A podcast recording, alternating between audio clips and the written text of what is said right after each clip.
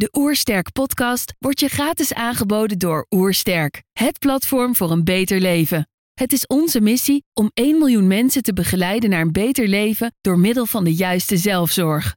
Wil je weten hoe jij kunt werken aan een beter leven? Ga dan naar www.oersterk.nu gezondheidscheck voor onze gratis gezondheidscheck en krijg direct jouw uitslag met persoonlijk advies. Mijn naam is Machteld Huber en je luistert naar de Oersterk podcast. Je hebt een druk bestaan en je wordt vaak geleefd.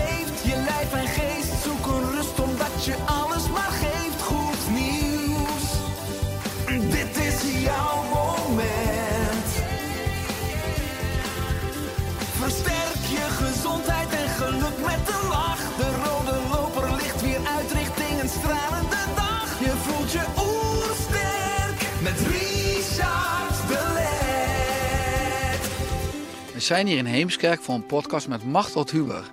Machteld is voormalig huisarts en heeft het Instituut voor Positieve Gezondheid opgericht. Ik ben benieuwd naar haar tips voor een beter leven. Trouwens, geniet je van onze podcast? Abonneer je dan en laat een reactie of review achter. Zo help je ons om het gezondheidsvirus te verspreiden. Let's start! De Oersterk Podcast. Een ontdekkingstocht naar een beter leven. Machteld, welkom. Dank je. Ik eh, lees op de website iph.nl de Instituut voor, eh, voor Positive Health is de motor achter de beweging Positieve Gezondheid. De stichting is opgericht door Machteld Huber, de grondlegger van het gedachtegoed. Het instituut wil de beweging die ontstaan is rondom positieve gezondheid stimuleren, versterken en versnellen. Zo maken we met elkaar van Nederland de grootste bloedzone ter wereld. Een plek waar mensen langer, gezonder en gelukkiger leven dan waar ook ter wereld. Nou, hoe ben je tot deze missie gekomen? Het is een beetje. Ik hoor het je zeggen en ik denk, nu moeten we er toch aan toevoegen dat we de rest van de wereld ook nog zo gezond en gelukkig gaan. Uiteindelijk, als we Kom de, op, als we de blauwdruk eh, hier hebben, zeker. ambitieus. Ja. Ambitieus. De, de, de, de, de motivatie ligt eh, echt al 33 jaar geleden. Zo lang eh, ben ik in stilte al bezig. En IPH, Institute Positive Health, bestaat nu vijf jaar. En dat, we zijn inderdaad echt bezig met de ambitie die daarin zit, namelijk echt een verandering in de, in de zorg en het denken over gezondheid teweeg brengen. En niet eens dus alleen de zorg, maar echt zorg, eh, welzijn, eh, alles, tot, tot echt alle in de haarvaten van de maatschappij. Ja. En de oorsprong van de motivatie ligt, eh, wat ik zeg, eh, meer dan 30 jaar geleden. Ik ben voormalig huisarts en ik werd als huisarts zelf ziek. En niet één keer, maar in totaal vier keer tussen mijn 30ste en mijn 35ste. En mijn conclusie was toen, eh, waren, ik was heftig ziek een aantal keren, verschillende ziektes van als je anders gaat kijken, kan je wereld winnen aan gezondheid. En ik vond het huisartsenvak fantastisch, maar ik dacht, ik heb ervaring die eh, de collega's niet hebben en ik moet hier wat mee. Ik bedoel, het waren, ik had vijf uh, tropenjaar gehad, of hoe moet je het noemen? Ik noem het mijn gehaktmolenjaren. Het was allemaal heel heftig, maar ik dacht, ik wil er wat mee, want het had me zoveel inzicht gebracht. Dus uh, zo ver terug ligt dat al. ja, want je zegt, je was eh, huisarts. Ja. Je werd zelf geconfronteerd eh, met ziekte. En je ontdekte dat bij gezond worden en herstellen... dat het veel, om veel meer dingen draait dan alleen het medisch. Van eigenlijk waren de rollen omgedraaid, arts-patiënt. Je werd patiënt. Nou, ik, ik was natuurlijk, medisch wist ik wel wat ik had, maar wat ik merkte was dat iedere ziekte ook een binnenkant had en ook een verhaal, eh, zeg maar, innerlijk. En dat ik merkte, wat me ontzettend geleerd heeft in die tijd, is echt eh, ja, te luisteren naar mijn lijf. Ik merk dat wij, of ik weet inmiddels dat wij net als dieren eh, een instinct van binnen hebben. Als een hond ziek wordt, dan gaat die, of een kat, dan gaan ze soms gras eten. Ja, me shocken natuurlijk, maar dat is een impuls die ze van binnenuit krijgen. En wat ik merkte is dat wij ook van dat soort instincten hebben die aangeven wat, wat ons goed doet. En daar ben ik heel erg naar gaan luisteren. En dat heeft me ontzettend veel gebracht. En daar inderdaad merkte ik dat ik, eh, nou, allerlei leefstijlfactoren, dat die enorm veel invloed hadden. Dus hoe ik at, wat ik at. Ik kon bij spreken, ik vroeg aan mijn buikgevoel, wat, waar heb ik behoefte aan en, en hoe voelt het? Dus dat, dat kon ik gewoon waarnemen. Maar ook heb ik behoefte aan, als ik moe ben, heb ik, moet ik dan rusten of moet ik juist actief worden? Want het kan soms zijn dat je juist zo actief wordt, veel weer juist meer energie krijgt. Heb ik behoefte aan muziek, heb ik behoefte aan kunst, heb ik behoefte aan sociale contacten. Nou, allerlei zaken bleken heel veel invloed te hebben. En eh, het sterkste nog eh, van wat is voor mij belangrijk, dat noem ik nu zingeving. Nou, daar ben ik dus eh, mezelf echt als proefpersoon gebruikt. Dan ben ik gaan uitproberen wat werkt wel, wat verbeeldt het me. En dat was, nou, zo er zijn de jaren nog een beetje nuttig geworden. En heel overtuigend voor mezelf. En zelfs zo dus dat ik ze heb besloten op mijn 35ste, ik wil hiermee door. Ik wil er wat mee. Mm En al die zaken die je noemt, hè, waar je in dat proces mee in aanraking kwam. Het ontwikkelen van het lichaamsbewustzijn en goed voelen hè, wat je lichaam nodig heeft. Ja. Ook uh, een nadruk uh, op zingeving als fundering. Ja. Uh, wat is mijn doel? Waren dat aspecten die je daarvoor, ook als jonge huisarts, waar je zelf ook minder oog voor had? Of wat minder nou ja, bewust van was? Laat ik het zo zeggen. Kijk, in je studie krijg je daar eigenlijk helemaal, helemaal niks over. In mijn, destijds heb ik in mijn hele studie vier uur over voeding gehad.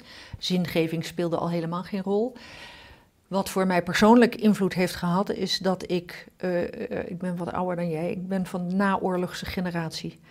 En in ons gezin was de oorlog best nog wel aanwezig. Mijn vader had ondergedoken gezeten. Maar zijn, een van zijn beste vrienden was een bekende verzetstrijder die zelf een aantal jaar in een concentratiekamp had gezeten. En ik merkte dat ik destijds al gefascineerd was hoe doorstaat iemand zo, zoiets zwaars. Dus ik ging graag met die man praten. Om van hem te horen gewoon wat, wat maak je nou sterk? Waar zitten je bronnen van overleven? En hij begon het, had het al heel sterk over je motivatie of je zin, echt waar je voor gaat, voor, voor, zeg maar, voor, waar, waar je voor door het vuur gaat, omdat het voor jou belangrijk is. En het andere was wat hij noemde de kameraadschap of de sociale verbondenheid met, met zijn makkers, met elkaar. Nou, die twee factoren heb ik dus al heel jong ontdekt als heel erg belangrijk. Gewoon vanuit de levende ervaring van, van die man en ook wat ik zo om me heen aan uh, mensen nog hoorde.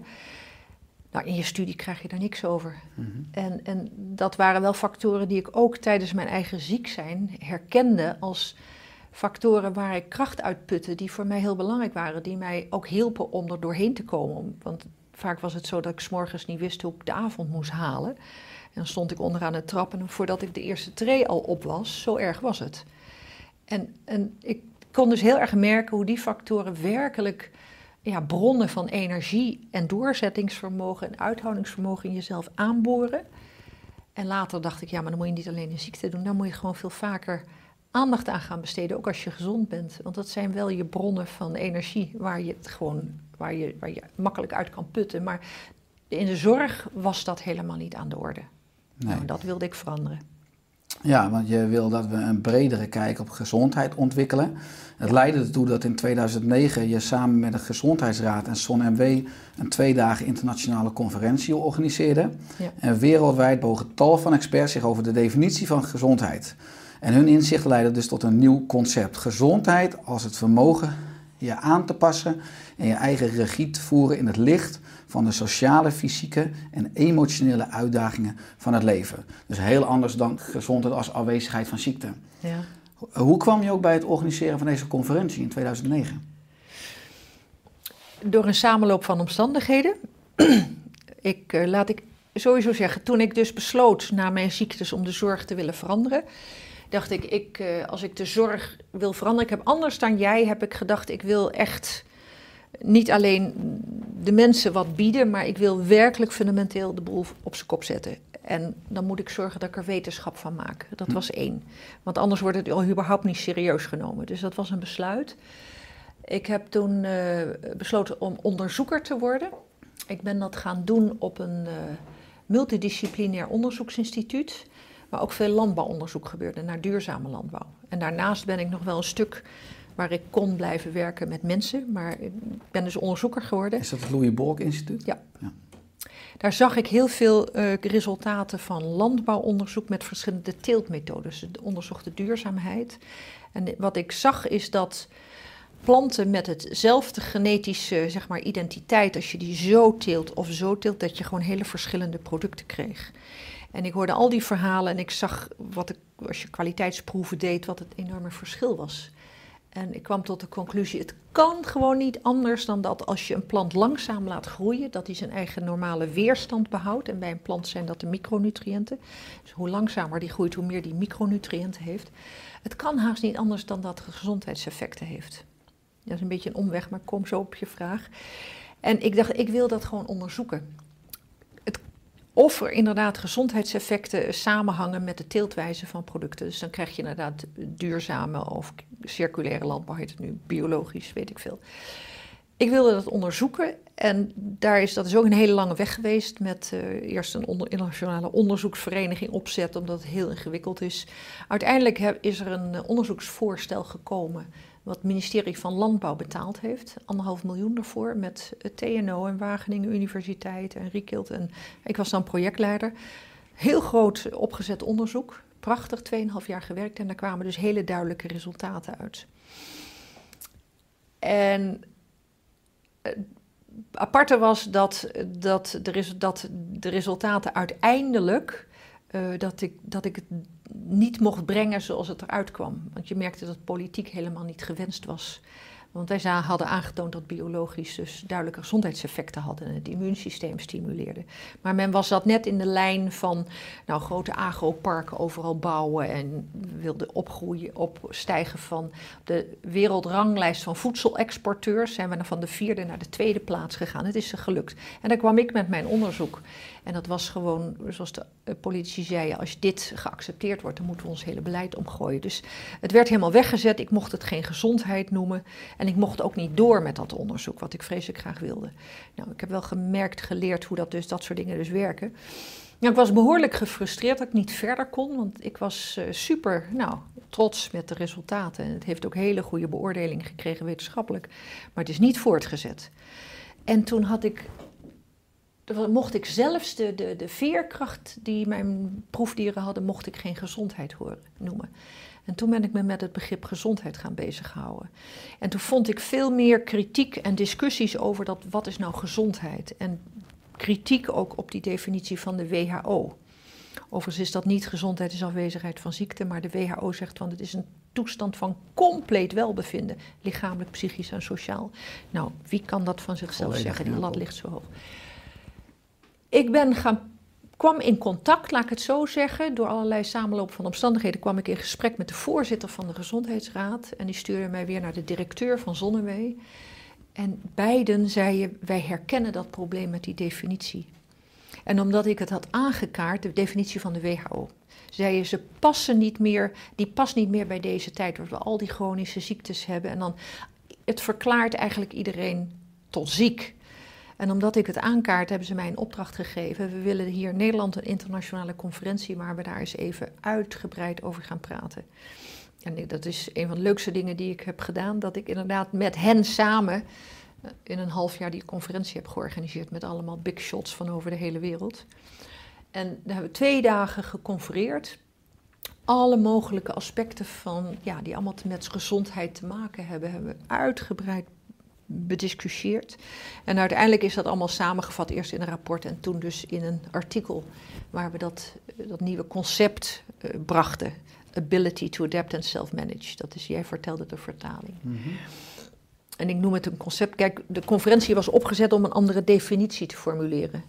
Maar op, dat, op dat, die conferentie was Paul Schnabel, uh, nou voor sommigen wel bekend, uh, een socioloog die zei: noem het geen definitie, want dan zet je er weer een hek omheen. Dan zeg je: mensen die het wel kunnen zijn gezond en mensen die het niet kunnen zijn niet gezond.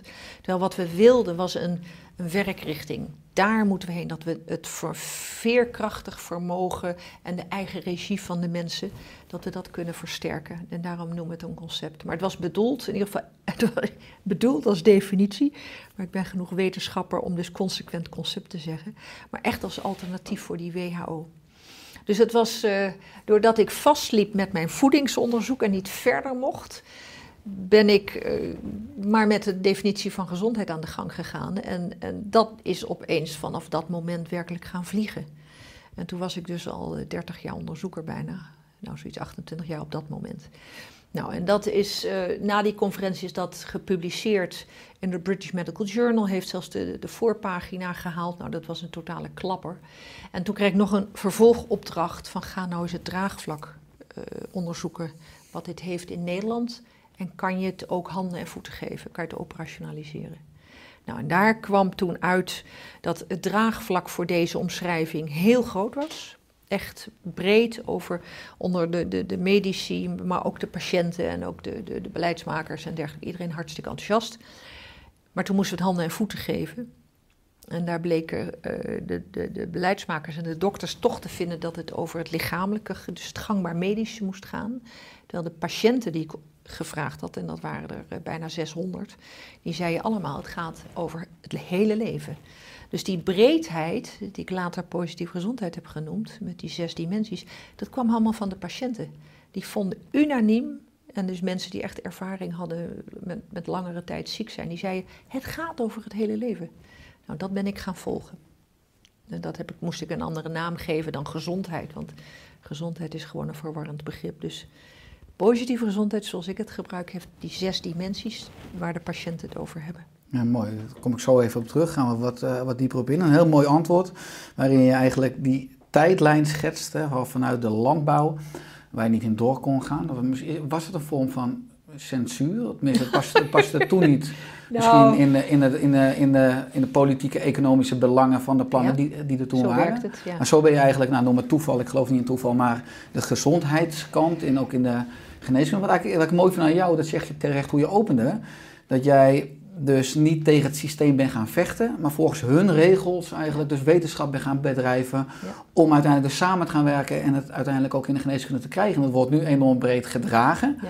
Eh, als je terugkijkt, maakt dat je, ik weet niet of trots het juiste woord is, maar maakt dat je dankbaar? Nou, eh, ja, nu ben ik, laat ik, ja, ik- dank, ik ben niet trots. Mensen zeggen, oh, dit- maar dat, het voelt inderdaad als dankbaar. Ja, en ook wel tevreden. Want eh, ik, had er, ik hou van grote ambities, want dat heb ik ook weer van die meneer van het concentratiekamp geleerd. Gewoon dromen en daarvoor gaan. En dat heb ik dus al die jaren in stilte heb volgehouden. Ik ben allemaal dingen gaan doen die mensen voor gek verklaarden, maar ik geloofde erin, ik vond het belangrijk en ik heb het volgehouden. En dat het dan opeens toch landt, wat ik, eh, nou zeg maar, 25, 28 jaar niet voor mogelijk had gehouden, dat geeft voldoening natuurlijk. Absoluut. Maar ik heb inderdaad heel bewust gekozen van ik volg volledig de regels van het spel. En, en, eh, want ik dacht, ja, eh, anders ben ik dissident en dan wordt het ook niet serieus genomen. En wat ik merk nu is het feit dat ik dat, eh, die weg heb gekozen en dat ik ook nog gepromoveerd ben op mijn oude dag. Dat, dat, daardoor wordt het gerespecteerd inderdaad. Mhm. Dus die, die, die tactiek, zeg maar zo, heeft gewerkt. Ja, want je, je, je noemt een aantal keer dus die belangrijke adviezen, tenminste eigenlijk levenswijsheden die je kreeg van een vriend van je vader, die in het Ja. concentratiekamp was. hè? Hoe, Ja. jong was je toen als meisje, als jonge vrouw? Nee, het was, het- ik ben al, eh, natuurlijk op de middelbare school begon ik inderdaad al, eh, had, ik had dus echt een soort vriendschap met die man. En later toen ik dus geneeskunde studeerde, ben ik, kwam ik ook om zoveel tijd, ging ik weer met hem praten en dan eh, verhalen horen en zo. Ik, dat fascineerde me maatloos. Maar wist je toen al, was dat toen al dat vuur in jou van ik wil arts worden, ik wil Nee. huisarts worden? Ik ben begonnen te, eh, biologie te studeren. Nou, ik, heb, ik moest kiezen tussen psychologie en biologie en ik vond biochemie hartstikke interessant. En ik, ik ben eh, na mijn, jaar, mijn eindexamen eerst een jaar in het buitenland geweest. Want ik was, mijn ouders vonden me te jong en ik, had, eh, ik, ik vond het ook wel leuk. Ik, ik ben geland in Londen waar ik een cursus modeontwerpen en eh, naaien deed. Dus ik had hele andere dingen. En in Parijs was een geweldige tijd. En toen begon ik biologie te studeren uiteindelijk. Om biochemie te gaan doen. En binnen een ja, week wist ik dat ik daar niet thuis hoorde. Want ik was inmiddels heel hip geworden in hip Londen en zo. En ik zat dus allemaal lieden met vergrootglazen in hun achterzak. En ik dacht, ja, dit past niet meer. En toen eh, had ik eh, ook een gesprek gevoerd met een, eh, een ziekenhuis, biochemicus. Mijn vader had dat geregeld en die zei: Waarom ga je geen geneeskunde studeren? En dat was een soort, dat sloeg in als een bom. Ik, had ik kwam uit een dorp waar de dokters, dat was een andere kaste. En daar had ik nooit aan gedacht. Maar toen hij dat zei, dacht ik: Dat is het, dat wil ik echt. Nou, dat ge- ge- gebeurden een paar aparte dingen, want ik, je werd die tijd geplaatst. En ik had dus geen plaatsingsbewijs. Ja, maar ik wilde het. Ik wilde het echt. En ik, had op zaterdag besloten dat ik het echt wilde. En op zondagochtend stond ik op mijn balkon in het studentenhuis een kopje thee te drinken. En er fietste een meisje door de straat die ik net op de studentenvereniging had leren kennen. Dus ik riep, hoor je weer een kopje thee? Dus die komt boven. En die zegt, ik heb een probleem, want ik studeer geneeskunde, maar ik wil stoppen. Ik ga pedagogiek doen. Toen zei ik, mag ik jouw plaatsingbewijs dan? Nou, zei ze, zal ik even halen. En een dag later kon ik dus beginnen. Dus ik dacht, nou, mooi, geregeld. En later heb ik gemerkt, nou, dan zeg ik iets vreemds, dat als je iets werkelijk wil, dan, dan, dan moet je erop voor gaan en dan komt het, komen soms dingen naar je toe. Ja, dan spant het universum samen. Want ik wou net wel vragen, zie je dat als toeval, maar dat zie je dus duidelijk niet als Inmiddels niet meer. En laat even een uitstapje. Ik heb uh, later, uh, ik heb jaren gewerkt met drugsverslaafden. Want ik wilde later dus kijken of die wat ik zelf ontdekt had aan hoe je gezond kan worden, of dat met zeer beschadigde mensen ook zou kunnen. En ik heb met drugsverslaafden gewerkt en, en wat die mensen vertelden, dat als je eenmaal, als ze weer opgebouwd waren, want ze zijn redelijk aan flarden in het begin, als ze weer opgebouwd waren en echt zichzelf op orde hadden, en dan ging het altijd om waar, wat is je droom? En op het moment dat ze daarmee aan de gang gingen, dan zeiden ze: dan gaat het leven met mij dansen. Dat vond ik zo'n mooie uitdrukking. Dan komt er als het ware naar je toe waar je, wat je zo vreselijk graag vanuit je tenen wil. Dan gaat het leven met je dansen. Nou, dat is inderdaad wat mij toen overkwam toen ik graag geneeskunde wilde studeren. En op dat moment iemand langskomt die zei: hier heb je het briefje. Dus uh, nou, dat is me vaker overkomen, ja. Mooi. Nou, toen begon je aan de geneeskundeopleiding. Ja. Uh, uiteindelijk werd je huisarts. Ja. Nou, wat je zei, je werd ziek. Uh, je bent uiteindelijk toen wetenschap uh, gaan bedrijven om die definitie van gezondheid breder te krijgen. Je noemde nou, net... ja, überhaupt, het, aanvankelijk had ik het nog helemaal niet over die definitie hoor. Ik wou gewoon, ja, ik, ik, ik wou gezondheid bevorderen. Ja. Maar ik realiseerde me achteraf, ik heb dus een hele lange weg heb ik voedingsonderzoek gedaan. En toen ik eenmaal niet verder kon en met, genees, met gezondheid verder ging, had ik het gevoel, het is net alsof ik een hele grote cirkel heb gedraaid en ik zit nu weer boven mijn oorspronkelijke besluit. Maar het is wel een hele lange weg, omweg geweest waar ik heel veel van geleerd heb. Ja, mooi. Maar uiteindelijk kwam ik, was ik toch weer bezig met waarom ik ooit dit ben gaan doen. Ja, nou, als je zegt voeding, dan zou ik zeggen dat je eigenlijk op zoek bent geweest naar wat is nou de voedingsbodem van gezondheid. Hè? En, en, je vond, of tenminste uiteindelijk met al die experts uh, die je geraadpleegd hebt, maar ook mensen die ziek waren, kwamen jullie tot zes dimensies.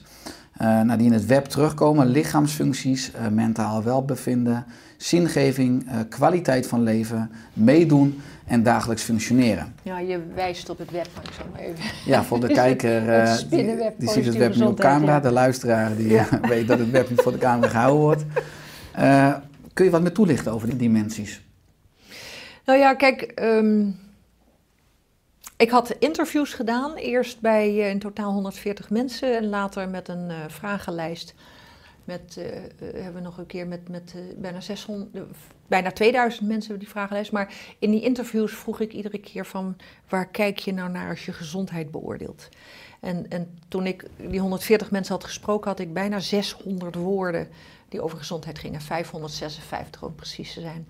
Indicatoren. Nou, en wat doe je dan? Dan ga je dat ordenen en ga, maak je allemaal categorieën. En dat hebben de patiënten aan meegeholpen en ook andere onderzoekers. En uiteindelijk hadden we eerst negen groepen en dat hebben we toen nog weer een hele discussie teruggebracht tot zes. En dan ga je zoeken, überhaupt ga je zoeken van waar in de wetenschap zijn die ordeningen al. En wat je merkt is dat er over lichamelijk heel veel geordend is, over het psychische, over het sociale. En wat wij merkten, en kwaliteit van leven ook wel, maar er waren een aantal mensen die echt het spirituele benadrukten. En we hebben besloten om het spirituele toch als aparte dimensie erin te zetten. In het spinnenweb is dat deze. Mhm. En eerst noemde ik dat spiritueel. Ja, dan moet je met dokters al helemaal niet mee aankomen. Die worden acuut goed. Die worden allergisch, dan krijg je uitslag. noemen het spiritueel existentieel. En dat ging al beter, maar nu noemen we het zingeving. Mhm. En we hebben het, uiteindelijk hebben we het ook eenvoudiger namen gegeven, want het was een beetje te ingewikkeld. Maar het zijn eigenlijk allemaal termen zoals de mensen het verteld hebben. We hebben niets verzonnen. We hebben het helemaal opgehaald uit de interviews die we genomen hebben. En uiteindelijk de bedoeling van dit spinnenweb is de ordening.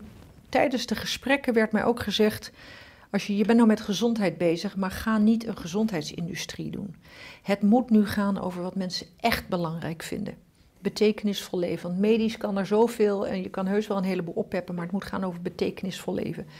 Nou, dat herkende ik natuurlijk vanuit mijn eigen uh, gesprekken met deze meneer van vroeger. Maar ik, had, ik heb het zo vaak in mijn onderzoek gehoord dat ik een wetenschappelijke reden had om het over die boeg te gooien. En wat we uiteindelijk zijn gaan doen is dat we zeggen, dit spinnenweb, waar die termen die de mensen gezegd hebben, dus het lichamelijke, daar zit voeding, daar zit, zit beweging, daar zit slapen bij. Bij het, psychische gaat het inderdaad over hoe je je voelt, je, je, emoties en dergelijke, of, of je zelfvertrouwen en dergelijke, jezelf accepteren. En bij de zingeving gaat het over idealen hebben, vertrouwen hebben in het leven, je leven accepteren. Die termen zijn eigenlijk werken als een soort spiegel zo zijn we het gaan gebruiken. Dat we gezegd hebben: oké, vul dit eens even in. Geef jezelf een rapportcijfer. Hoe vind je dat het met jezelf gaat? En door dit te lezen merk je dat je als het ware even. Eigenlijk, ze zeiden de mensen: dit zijn de hoofddimensies van het leven. En daar zit nog van alles, kan je zeggen, dat dat mis. Maar het gaat erom dat het je aan het denken gezet wordt door dit in te vullen. En dan stellen wij de vraag, wat is voor jou nou belangrijk? Waar gaat het jou om? En dat is die essentiële vraag die ik dus mee had gegeven. Daar moet het over gaan. En als zorgverlener, wat is, dat is het vernieuw, echt vernieuwende, denk ik, dat we de mensen leren. Ga niet zitten adviseren van je moet dit doen, maar vraag wat zou je willen? En wat zou je kunnen? En wat denk je zelf aan? Dus we zetten de ander, als professional zet ik de ander in de regie. En probeer ik die ander als het ware te motiveren. En omdat hij vertelt wat hij het belangrijkste vindt, is dat helemaal niet moeilijk. Vaak gaan mensen komen met allemaal ideeën en dan steun je ze van, dat moet je doen. En wat je dus merkt, en dat is de ervaring. Wij noemen dat overigens het andere gesprek. Dus niet, ik ben de professional, ik weet wat jij moet doen, maar vragen wat, wat zou je, waar denk je zelf aan? En op het moment dat mensen aan de gang gaan met wat voor hen eigenlijk het belangrijkste is, dat kan iets van, ja, waar ze heel blij van worden, of het kan een probleem zijn wat ze willen oplossen, maar ze zijn gemotiveerd, dan zie je dat in het vervolg daarvan allerlei leefstijlveranderingen ook gaan optreden. Dat ze inderdaad makkelijker stoppen met roken, dat ze uh, gewicht verliezen of, of, of wat dan ook, waar je als dokter zou zeggen, nou dat zou hartstikke goed zijn als dat zou doen. Maar als je gaat duwen van je moet dit of je moet dat, dan gebeurt het niet. Maar als je aansluit bij wat ze zelf belangrijk vinden, dan merk je dat, dat mensen dat makkelijker gaan oppakken en dat het ze minder moeite kost. Nou, dus ik ben helemaal niet tegen allerlei. Uh, ik ben erg voor een gezonde leefstijl. Maar het is maar net hoe je het aanvliegt. En dat is misschien wel de essentie daarvan. Dus als je zegt, vertel wat over die gebieden. Ja, het, het, het, laat ik het zo zeggen. Het, kwaliteit van leven. Ik krijg kritiek. Dat hoort toch niet bij gezondheid? Nou, patiënten vonden dat vreselijk belangrijk. Dus staat het erbij. Inderdaad, van uh, kan je genieten van het leven? Zet je lekker in je vel? Voel jezelf in balans? Dat soort zaken staan daar. Maar ook het meedoen van hoe is het met je sociale contacten? Heb je mensen om leuke dingen mee te doen? Kan je ergens je hart luchten als er een probleem is? Of in het dagelijks functioneren, kan je, je, ken je je grenzen en, en kan je omgaan met tijd en met je geld? Het zijn allemaal hele verschillende categorieën, maar allemaal doen ze ertoe. En wat we denken is dat we en wat we merken, en er lopen inmiddels ook allerlei onderzoeken, dat door, en dat noem ik dus het brede kijken, al die zaken hebben uiteindelijk een invloed ook op lichamelijke gezondheid. En helpen mensen, behalve dat je nu natuurlijk, je, als iemand erg ziek is, dat je je medische kennis kan gebruiken. Maar door die verschillende facetten van het leven ook inderdaad uh, mensen te helpen en te steunen dat ze die op orde krijgen, krijgen ze weerstand. En krijgen ze stabiliteit en kunnen ze tegen, ook als er moeilijke dingen zijn, kunnen ze die makkelijker opvangen. Daar gaat het ons om. Ja, als je kijkt dus in dat web met die zes dimensies, in de praktijk zagen jullie dat zorgprofessionals vooral naar lichaamsfuncties keken, zoals klachten en conditie. En, en dat uiteindelijk de patiënten aan alle dimensies waarde hechten. Ja. Is dat dus een kanteling nu gaande, dat zorgprofessionals dus ook veel meer dat totale web omarmen? Dat is het leuke nu. En uh, er is überhaupt een discussie gaande dat de professional van de toekomst anders moet. Eh, er zijn hele commissies over innovatie zorgberoepen. En daar heb ik, ik heb in die commissies gezeten. En er wordt gesproken over de toekomstige professional van de toekomst. is de T-shape professional, de T-vormige professional. Dit is je vak. Dan ben je dokter of verpleegkundige of fysiotherapeut. En dit is het algemeen menselijke. En ook daar ligt, daar bevorder je gezondheid. Maar dat gaat over het hele leven. Dus wat je ziet is dat iedereen leert zijn vak. Maar in de toekomst moet iedereen op dit vlak, en dat is precies dat, dat spinnenweb gebeuren. Ook daar in staat zijn om daar naar te kijken, de mens als geheel te zien. En dat is, enerzijds wordt dat gezegd uh, dat we daar naartoe moeten. Want je ziet dat er wordt ingezien dat als we niet ook weerstand gaan verhogen van de mensen En meer aan gezondheid gaan doen, dat het gewoon onbetaalbaar wordt. Maar goed, het hele systeem zit behoorlijk rigide vast. Eh, En dat, dat is dus ook mijn ambitie om dat ook te veranderen. Maar we zien het steeds meer de kant uitgaan dat het, dat het breder kijken wordt. En eh, dat is mijn ambitie in ieder geval, om dat flink te stimuleren. Ja. Wordt dit concept ook al in de huidige geneeskundeopleiding aangeboden? Sinds twee weken. Gefeliciteerd. ik het zo Mooie zeggen. primeur. Je hebt een raamplan, eh, artsopleiding. En daar, daar moeten alle faculteiten aan voldoen. Dat is echt voor de komende jaren vastgelegd, maar het is net twee weken geleden verschenen. En daar zit dit inderdaad ook ruimschoots in. Dat is één. Dus daar ben ik apen trots op en heel tevreden over. En we zijn ook bezig eh, samen met Tamara de Weijer, doe ik dat, van arts en leefstijl en studentenleefstijl, om ook de verschillende faculteiten aan te bieden om inhoud voor dat, voor dat onderwijs aan te bieden. Enerzijds eh, nou schrijven we boeken, Tamara heeft al een boek, wij zijn ook aan een boek bezig. Eh, filmpjes, e-learning te maken, docenten aan te bieden, dat dat ook echt in die, dat de dokters en de professionals van de toekomst dat ook kunnen. Overigens, eh, niet alleen de dokters, maar het zit al ruimschoots in de verpleegopleiding, in de fysiotherapieopleiding, komt het ook allemaal terug. Dus eh, dat is, eh, het begint aardig te landen. Maar dus we, net ook, ook twee weken geleden is de landelijke nota gezondheidsbeleid van VWS uitgekomen. Dus voor alle gemeentes in Nederland. Over hoe zij gezondheid kunnen bevorderen. Nou, daar zit positieve gezondheid, vind je daar ruimschoots in terug. Dus die brede kijk. In allerlei vertaald in hele praktische zaken. Buurtmoestuinen, eh, aandacht, ja, eh, stimuleren van contact binnen wijken en dergelijke. Nou, dat zo, zo eh, zijn we aan de weg aan het timmeren. Mooi. En dat lukt. Mooi, je zegt net tussen neus en lippen door van ik heb nog een andere ambitie qua veranderen van het rigide systeem, hè, het huidige systeem. Laatste maand ook in het nieuws dat eh, ja, de zorgkosten zullen oplopen tot 174 miljard euro in 2040 hè, volgens Ja. de experts. We, we zien nu dat 95% van het zorgbudget eh, gaat eigenlijk dus naar het streven van afwezigheid van ziekte. En slechts eigenlijk een half procent naar primaire preventie. Ja, ik vraag me ook af, en dat vraag ik me al jaren, maar hoe kunnen we dat omdraaien? Ik ben veel meer wat je, een nieuw systeem gaan bouwen ernaast, waar jij veel meer geïnfiltreerd bent op een succesvolle manier in het Ja. oude systeem. Ja. Ja, nee, maar dat, dat systeem is, en de corona helpt daar zeer mee.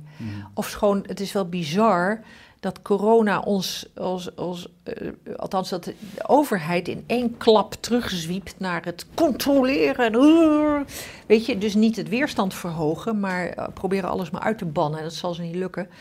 Maar zoals mensen zeggen, corona krijgt in één klap voor elkaar wat in tien jaar al niet in beweging te krijgen is.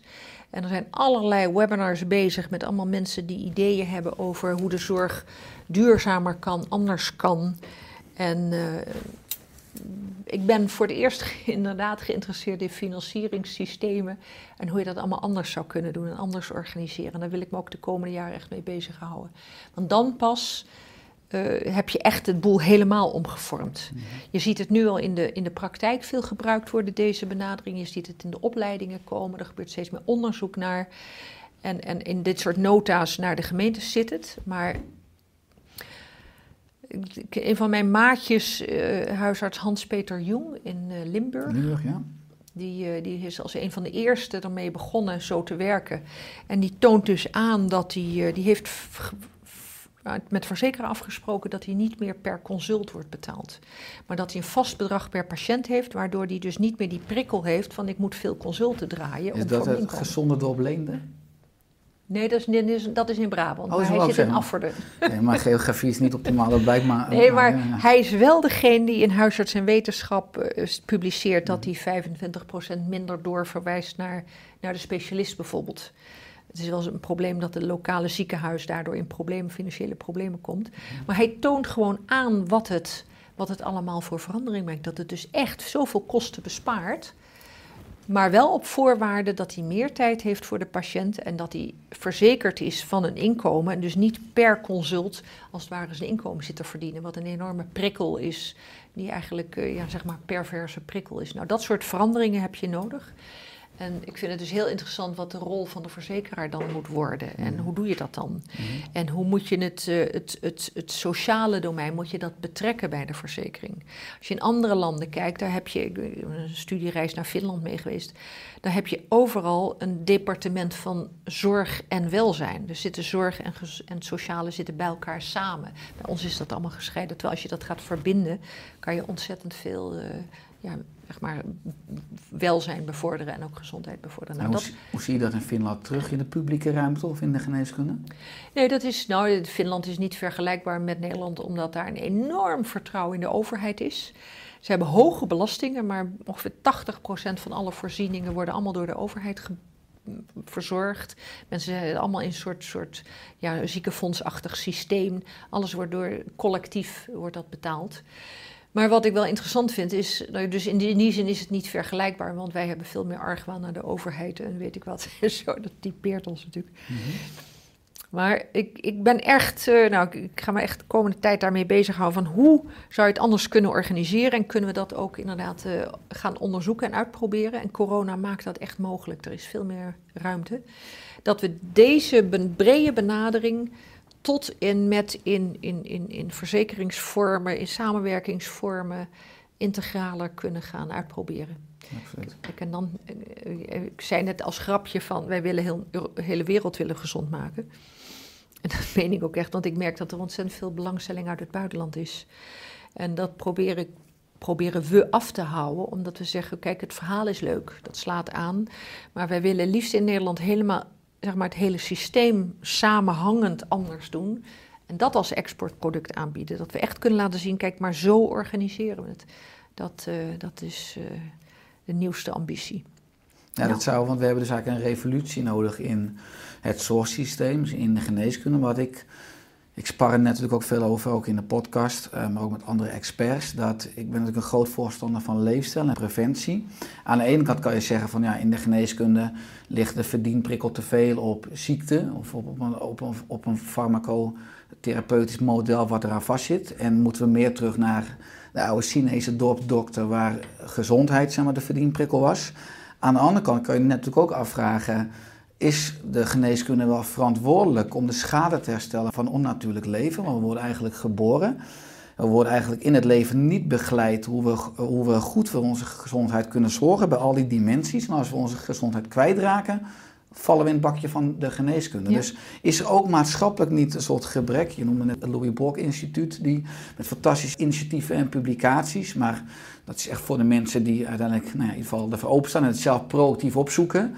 Maar er is niet echt een, eh, ja, een onafhankelijk instituut of leefstijlcentrum die men ook vinden. Het basisonderwijs, waar we eigenlijk al deze ook dimensies uit het web van positieve gezondheid eigenlijk al leren in de basis. En dat de, de publieke ruimte eigenlijk ook een rode loper uitrolt naar de gezonde, juiste keuze, laat ik het zo noemen.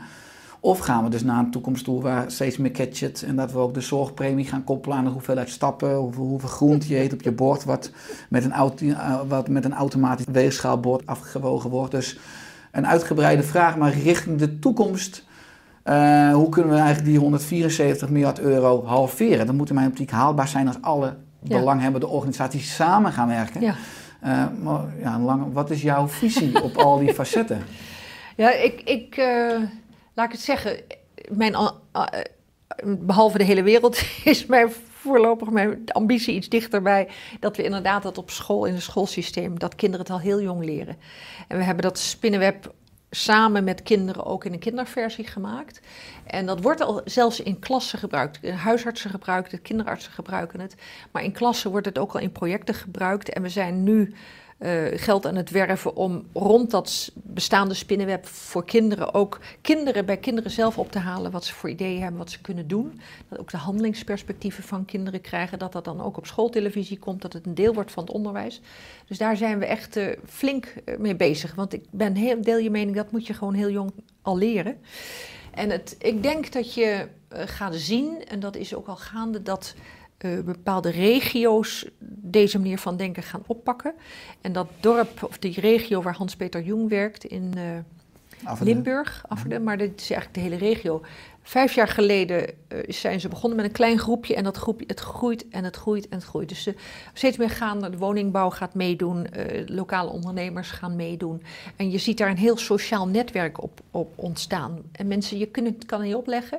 Dus ik geloof veel meer dat mensen uit een soort inzicht, dat ze herkennen dat, dit, dat het fijn is om dit samen te doen. En daarom geloof ik ook in dorpsmoestuinen waar mensen met elkaar ook leren nou ja, wat eten is, hoe je groentes verzorgt en dergelijke ook contacten maken. S- Met al die kleine elementen moet je, het, eh, moet je de mensen wakker maken. Daar geloof ik meer in dat ze dus bewuster worden en gezonder gaan leven, dan dat het alleen maar allemaal metertjes zijn en dat als je je metertje goed staat, dat je dan korting krijgt of zo. Dat gaat ook komen. Je gaat het kan niet tegenhouden, maar ik geloof niet dat dat de echte motivatie brengt. Dus ik zie dat als, als het ware als twee ontwikkelingen die allebei eh, parallel lopen. En ik denk, ik geloof dat het eh, zeg maar gezonde wijken organiseren en eh, heel veel voorbeelden vinden waar, hoe het anders kan, dat, waar mensen door geïnspireerd worden. Daar geloof ik dat er mee een nieuwe cultuur gaat ontstaan. En dat, dat, dat, ik denk ook daar dat corona heel erg helpt.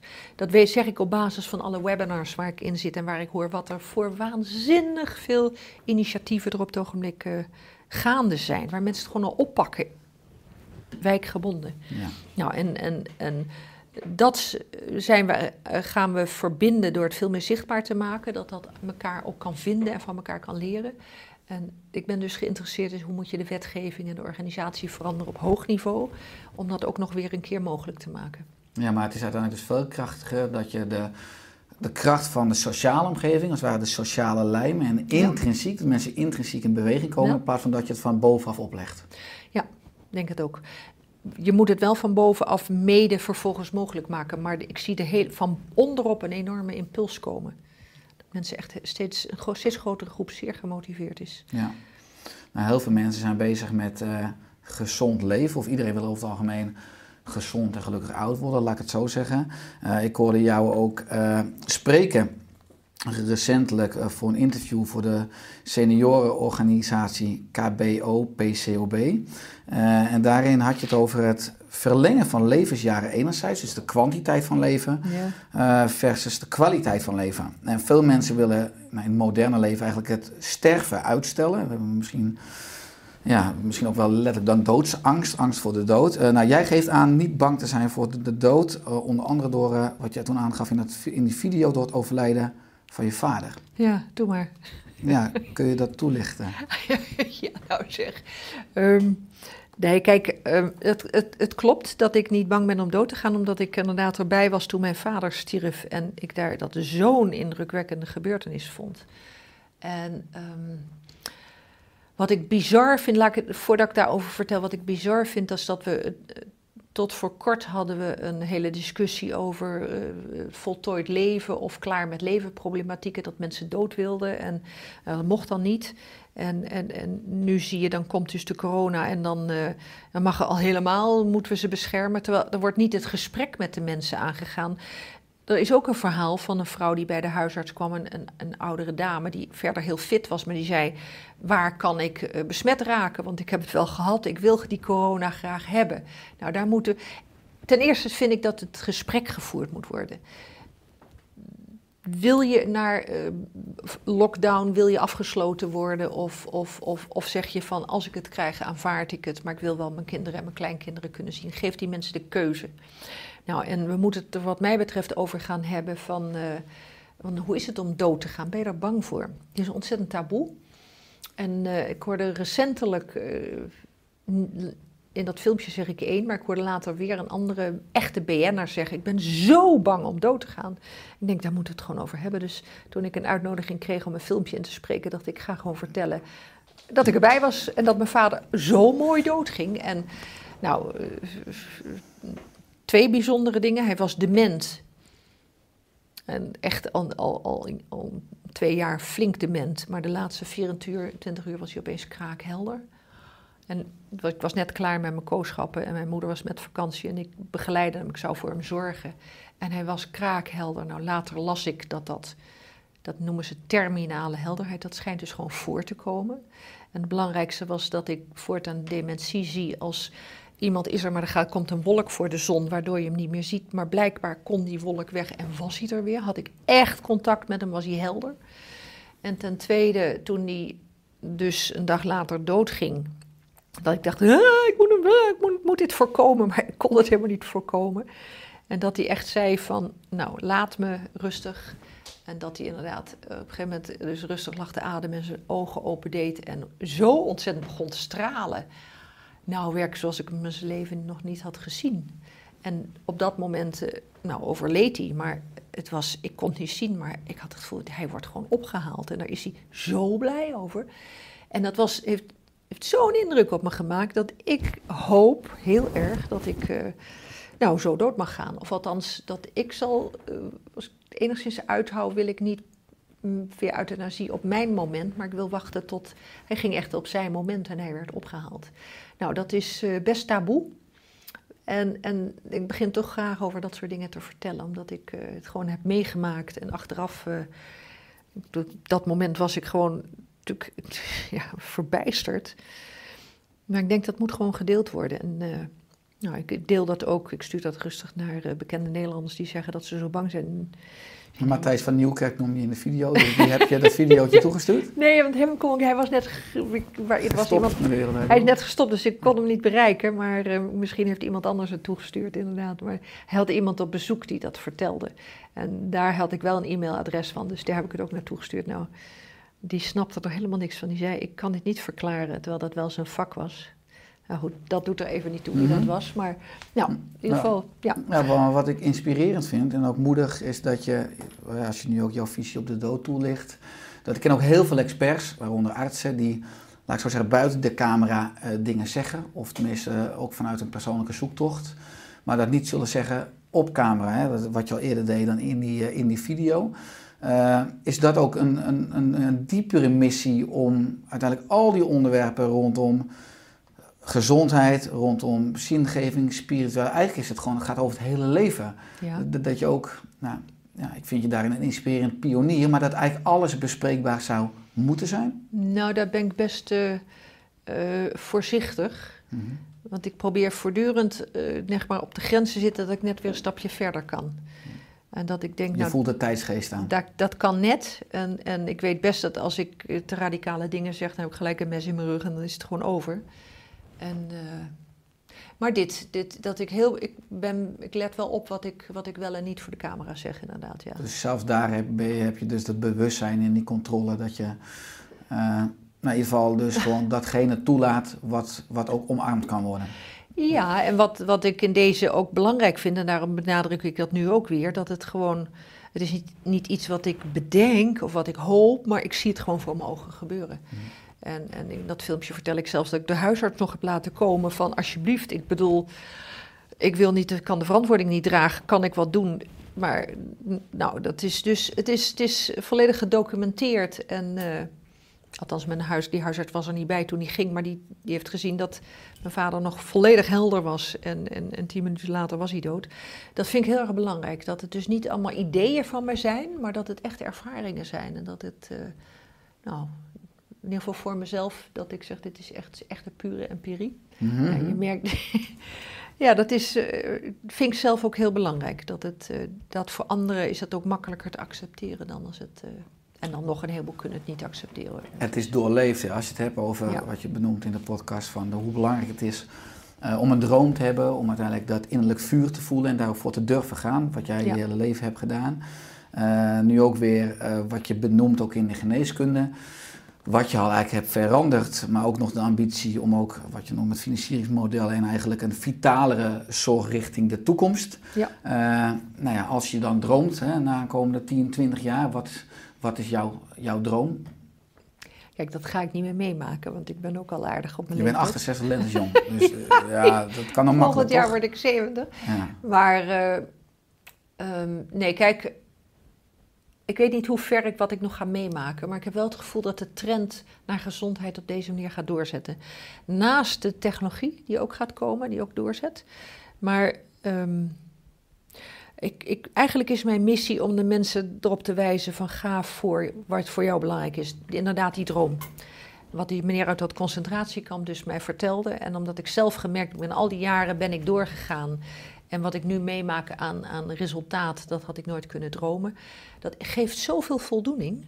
En daar zit, daar, daar zit zo'n bron van vitaliteit. En ik hoop dat dat heel erg door gaat dringen. Dat, eh, dat met name jonge mensen daar ook voor gaan. Ik zie het al gebeuren ook. Er is echt onder jongeren een andere mentaliteit. En dat ze voor waarden gaan en zo. Dus niet alleen maar voor hun inkomen, maar echt van wat voeg ik toe. En dat je de wereld ook gaat zien als een ecosysteem. Waar wij in harmonie inderdaad nou, met, met de natuur, uh, want dat kan gewoon hartstikke goed. Maar, en met elkaar dit tot een, een, hele mooie samenleving en planeet maken. Ja, daar, daar zal ik tot de laatste snik mee doorgaan. En de grap is ook wel, zo ben ik wel, van als, dat als ik in de kist lig, dat ik nog de deksel open doe. Zeg ik, denk, wil je wel even daaraan denken? Dus het, ik, de drive zal er tot het eind toe in zitten. Ja. Met heel veel plezier. Als je het hebt over het, uh, het, het concentratiekamp, wat je bedoelt, moet ik denken aan het boek van Victor uh, Frankl, van De Zin van Bestaan. Je had het ook over, ze kunnen alles extern van je afpakken, maar niet... Ja laat ik het nou weer zeggen, dus uh, de stem in je hoofd, maar ook veerkracht. Ja. Uh, als je het hebt over uh, het concept positieve gezondheid, met alle activiteiten, alle adviesraden, commissies waar je allemaal in zit. Hoe hou je zelf balans op jouw dag en daarmee in jouw leven? Um, ik, ik, laat ik eerst zeggen, ik kan met weinig slaap. Dus ik ben s'morgens al hartstikke vroeg wakker. Maar ik heb uh, samen met mijn partner. beginnen we de dag altijd met een, uh, een, kort meditatief moment. En dat vind ik heel prettig om even af te stemmen van. Oké, wat uh, waar verbind ik me allemaal? Ik verbind me dan heel bewust met, met, nou, met de wereld om me. En, en, dus dat, zo begin ik. Als ik enigszins kan in mijn programma, ga ik eerst wandelen. En uh, vind ik het heerlijk om even in de ochtendsfeer buiten te zijn en even in beweging te komen. En ik doe een beetje, een beetje gymnastiek. Ik eet heel gezond. Uh, ik eet uh, eigenlijk sowieso biologisch. Ik heb een piepklein moestuintje, een vierkante meter tuin. Dat is echt dat is een lol van me. we wonen gelukkig in een huis met een mooie tuin. Dus ik kan ontzettend met veel genoegen ook voor mijn planten zorgen en dergelijke. Um, ik werk heel hard, maar ik lees ook heel veel. Ik kan heel snel lezen. En ik vind het ontzettend fijn om dingen te lezen die me ook weer inspireren. Dus ik merk wel dat ik een. een nou, ik, ik heb altijd te veel werk, maar ik probeer toch een vorm van balans er wel in te houden. En we hebben een aantal momenten in de week dat we gewoon zoals we de dag samen beginnen. Op zondagochtend beginnen we altijd met een hele lange wandeling in de natuur. We zijn ontzettend trouwe eh, zeg maar, familie. Eh, de band, familiebanden zijn uitstekend en gezellig en leuk en doen aan cultuur. Dat kan er allemaal toch wel bij. Dat is, uh, door het jaar heb ik dat erin gepland. En daarnaast heb ik altijd veel werk. Maar ik probeer wat rustiger aan te doen. Maar ik merk wel dat ik heel erg probeer aan al die verschillende uh, elementen toch tijd en aandacht te geven. Dat houdt me wel uh, op de been. En de, in de vakanties dan uh, probeer ik ook echt los te laten. En dan slaap ik veel meer. Dan ben ik helemaal buiten in de natuur. Ja, god, het is eigenlijk een heel logisch verhaaltje, maar... Ja, het is de basis. Maar ik bedoel, het is een enorme mooie balans die je schetst... met ook eigenlijk zingeving als smeerolie. Uh, ja, heb je is... nog wel eens chronische stress? ja, dat is, die ken ik zeer goed, ja. Nee, want dat is natuurlijk, ik, bedoel, ik weet niet in hoeverre je controle hebt over um, je aantal mails. Ik bedoel, als je met zoveel... Ja, nou, je zegt, ik kan snel lezen, maar er komt een enorme input op je af. Ook uh, omdat je nu internationaal uh, mensen misschien of concepten ook uh, aan Is dat altijd leuk of zeg je van, nou, soms als ik het niet meer leuk vind, dan weet ik dat ik even vakantie moet nemen? Nee, kijk ehm, het belangrijkste is, ik, ik hoop erg dat dit doorgaat, dus het moet niet zo aan mij hangen. En ik heb inderdaad, uh, ik, ik, ik, ga lang door, maar ik ben gelukkig geen directeur meer van ons instituut. Dus met alle verplichtingen en de accountantscontroles en weet ik wat, dat hoef ik allemaal niet meer te doen. Ik ben ontzettend blij met Angelique Schuitermaker, die dit uh, op een uitstekende manier runt. En ik maak deel uit van het team en ik probeer voor anderen ook te steunen en te leren. Ik ik wil, ben dienend. Ja. In, in ik al heb die... chronisch te veel te doen. dat is ja, dat, dat ja, ja, ja, ja, ja. Uh, maar ja, er spreekt ook een stukje ambitie maar goed, als het, op een gegeven moment voel ik van... Laat ik zo zeggen, ik vertelde tijdens mijn ziektes... heb ik heel erg een, een sterk lichaamsbewustzijn gekregen. En ik voel behoorlijk precies als ik over de grens ga. En dan laat ik ook alles uit mijn handen vallen. En dan ga ik wat ik noem spijbelen en dan ga ik leuke dingen doen. En oh, van alle, kan van alles zijn waar ik op dat moment zin in heb. Maar dan ben ik rigoureus dat ik zeg, ja, of ik ga slapen. Ik kan heel goed powernapjes doen. Dat is een krachtig herstelmechanisme die je Ja. altijd eh, Ja. kan, eh, Ja. kan aanklikken. Eh, wat is in al die jaren, dus zowel nationaal als internationaal, nou het leukste wat je hebt meegemaakt? Jeetje. Eh, ik, ik, toch waar ik net enthousiast over begon te vertellen, dat organiseren van die conferentie In 2009. 2009. Dus samenwerken, André Knotneres was de voorzitter van de Gezondheidsraad en Henk Smit, de directeur van Zonnewee. En we hadden eigenlijk als trio had ik het voorrecht om met hen samen dat te mogen doen. Dus we hadden, ik was ook korte tijd in dienst van Zonnewee. En dan, dan, dan, dan ging dat over tafel van alle houtmethoden van de wereld die zij dan kennen. Dan kon ik die lui weer mailtjes schrijven en daar contacten mee leggen. Het was zo ontzettend inspirerend. Hartstikke leuk. Maar dat hele onderzoek met die, eh, met die biologische voeding daarvoor. eh de 2,5 jaar met. we hadden kippen als proefdieren. Want het was een, biologisch, een immunologisch kippenmodel. Een voor eh, immunologisch proefdiermodel, laat ik zo zeggen. Dus ik ben bijna klaar hoor, maar zo ben ik ook wel. We maakten, zijn voor die kippen zijn er kippenhiltons gebouwd. Dat ze, we hadden 150 van die beesten. Die hadden allemaal diereigen gedrag in koppeltjes met zandbakken. En, en dat voer dat moest iedere keer gemaakt worden. En dat moest allemaal, onder, allemaal geblindeerd. Maar ik ging dan zelf ook eh, in de voerfabriek, in zo'n grote koopruis, zo'n maalderij, stond ik dan zelf ook met die van die grote zakken. En het, eh, het werd allemaal wel gecodeerd. En ik wist niet wat wat was, maar gewoon tussen die kerels in de voerfabriek lekker met de zakken sjouwen. En daar kan ik ontzettend van genieten. dat, is- dat, dat gewoon met je, met je handen in de, in de, eh, je voeten in de klei, dat Ja. soort dingen. Als je het hebt over die conferentie in 2009, was een tweedaagse. Is er dan twee dagen, omdat een aanname van mij heel erg officieel, om in Engels, of worden er ook veel grappen gemaakt, is er veel ontspanning? Hoe is de sfeer op zo'n conferentie? Ja, natuurlijk is het alles in het Engels. Maar je hebt een, een, een gezelschap van voor deel kennen die mensen elkaar. Het zijn allemaal echte, echte ja, mensen die, die origineel denken, zijn er vaak hele leuke mensen. Inderdaad, echt met grappen en, en, en, discussie. En ja, hoog niveau. Geweldig. Mooi. Echt, dat vond ik echt een topbelevenis. Ja, absoluut. Ja, ja. Ehm, is er aan het einde van de podcast nog iets wat je graag wilt toevoegen? Dan ga voor je droom. En ga door, en ga door. Mooi, En dan mooi. gebeurt er soms een wondertje. Althans, nou, dan gebeurt er gewoon waar je van droomt, wordt werkelijkheid. Dus eh, daar geloof ik in, ja. Hoe kunnen mensen, mochten mensen luisteren en kijken, zeggen ja, ik ben al een tijdje op zoek naar, ik weet helemaal niet precies wat ik wil of wat mijn droom, hoe zou je achter je droom kunnen komen? Eh, ik zou sowieso je aanraden om het spinnenweb in te vullen. En dan hebben we dus iph.nl en dan slash tools. Dan kom je bij de vragenlijst. En dan is de vraag van waar loop je warm voor? Dat is één, dat kan helpen. En voor de rest is schrijven. Als je denkt, ik denk dat ik het weet, dan moet je inderdaad een, een, boekje, een dagboekje of schriftje nemen en dan schrijf je eens even op.